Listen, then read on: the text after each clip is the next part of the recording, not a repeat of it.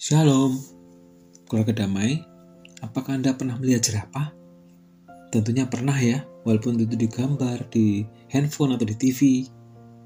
Jerapah adalah mamalia terbesar yang melahirkan anaknya sambil berdiri.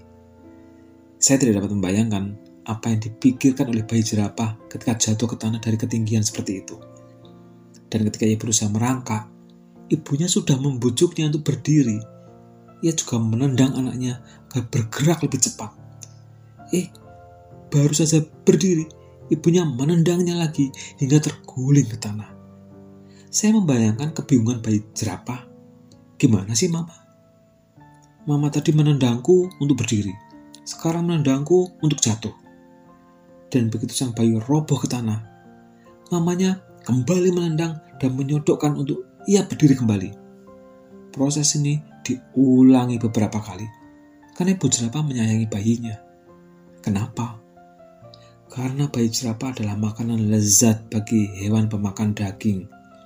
Ibu jerapah tahu bahwa satu-satunya kesempatan hidup bagi bayinya adalah dengan segera bisa berdiri dan menghindar dari bahaya. Pertanyaannya, apakah pendekatan ini akan efektif di dunia manusia? Nah, sebelum menjawab, mari kita berdoa terlebih dahulu. Bapak yang Baik, terima kasih untuk firman-Mu bagi kami. Kami akan bersama merenungkan firman-Mu. Tolong kami untuk kami bisa mengerti hikmat-Mu melalui kitab Amsal. Terima kasih Tuhan. Amin. Tema sama hari ini adalah Bolehkah memukul anak? Mari kita bersama membuka Alkitab kita dari Amsal 13 ayat 24. Begini bunyi firman Tuhan.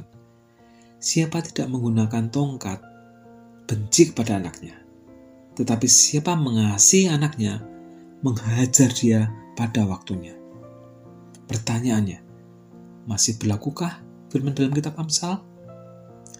Saya jawab dengan tegas, tetap berlaku.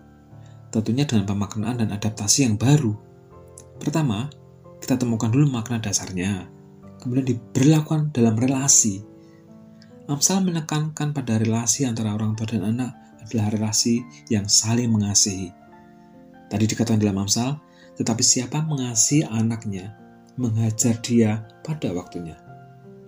Bapak Ibu, pengetahuan anak-anak masih di dalam proses perkembangan dan pertumbuhan. Maka sudah sewajarnya jika apa yang dilakukannya terkadang meleset dari harapan kita.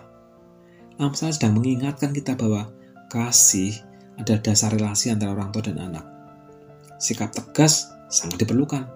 Tegas ya Bapak Ibu ya, bukan keras ya tegas lebih kepada mengajarkan tentang komitmen dan kesungguhan. Amsal melihat tongkat itu sebagai salah satu cara untuk mendisiplin, menggunakan ketegasan, dan bukannya menyakiti dan kekerasan fisik. Berikut adalah beberapa dampak negatif jika kita mendidik anak dengan kekerasan fisik. Yang pertama, anak akan mencontoh dan berpikir bahwa kekerasan adalah salah satu cara berkomunikasi. Yang kedua, anak juga akan mencontoh mengenai pengendalian emosi. Yang ketiga, anak bisa tidak menghormati aturan. Dan yang keempat, anak memiliki memori yang buruk yang bisa dia bawa sampai usia dewasa. Bapak Ibu, selain kekerasan fisik, kita juga perlu menjaga untuk tidak melakukan kekerasan verbal. Apa yang dimaksud dalam kekerasan verbal? Adalah kekerasan terhadap perasaan dengan mengeluarkan kata-kata yang kasar. Ya tanpa menyentuh fisik sih, tapi kata-kata itu memfitnah, kata-kata itu mengancam, menakutkan, menghina, atau membesar-besarkan kesalahan. Nah, apa dampak buruk dari kekerasan verbal ini? Ada penelitian yang menunjukkan bahwa anak yang kerap mendapat kekerasan verbal dapat berkembang menjadi pribadi dengan kepercayaan diri yang rendah. Itu yang pertama. Yang kedua, anak merasa harga dirinya juga rendah.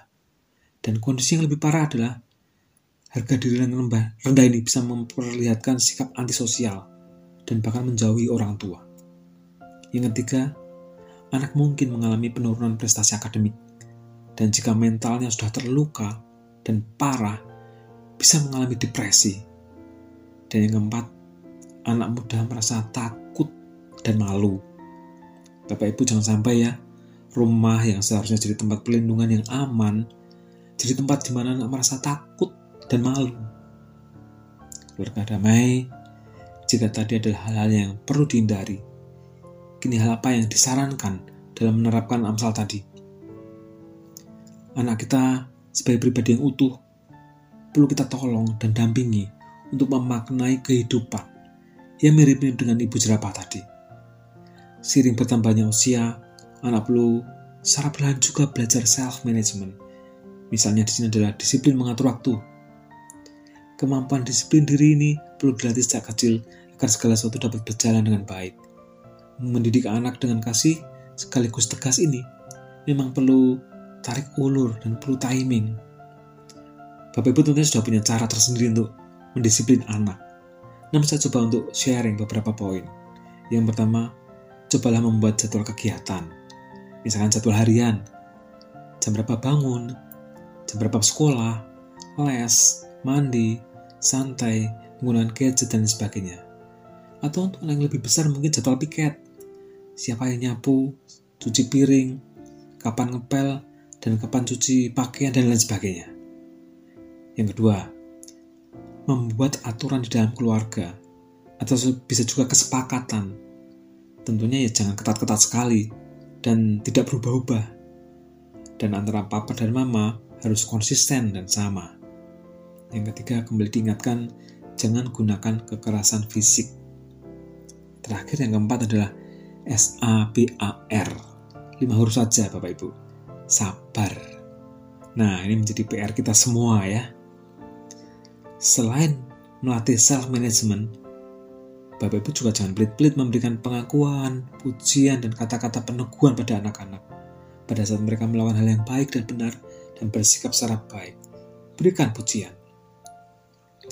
Bapak Ibu yang terkasih, mengakhiri sama hari ini, mari kita tengok ke belakang melihat emotional journey atau perjalanan emosi kita.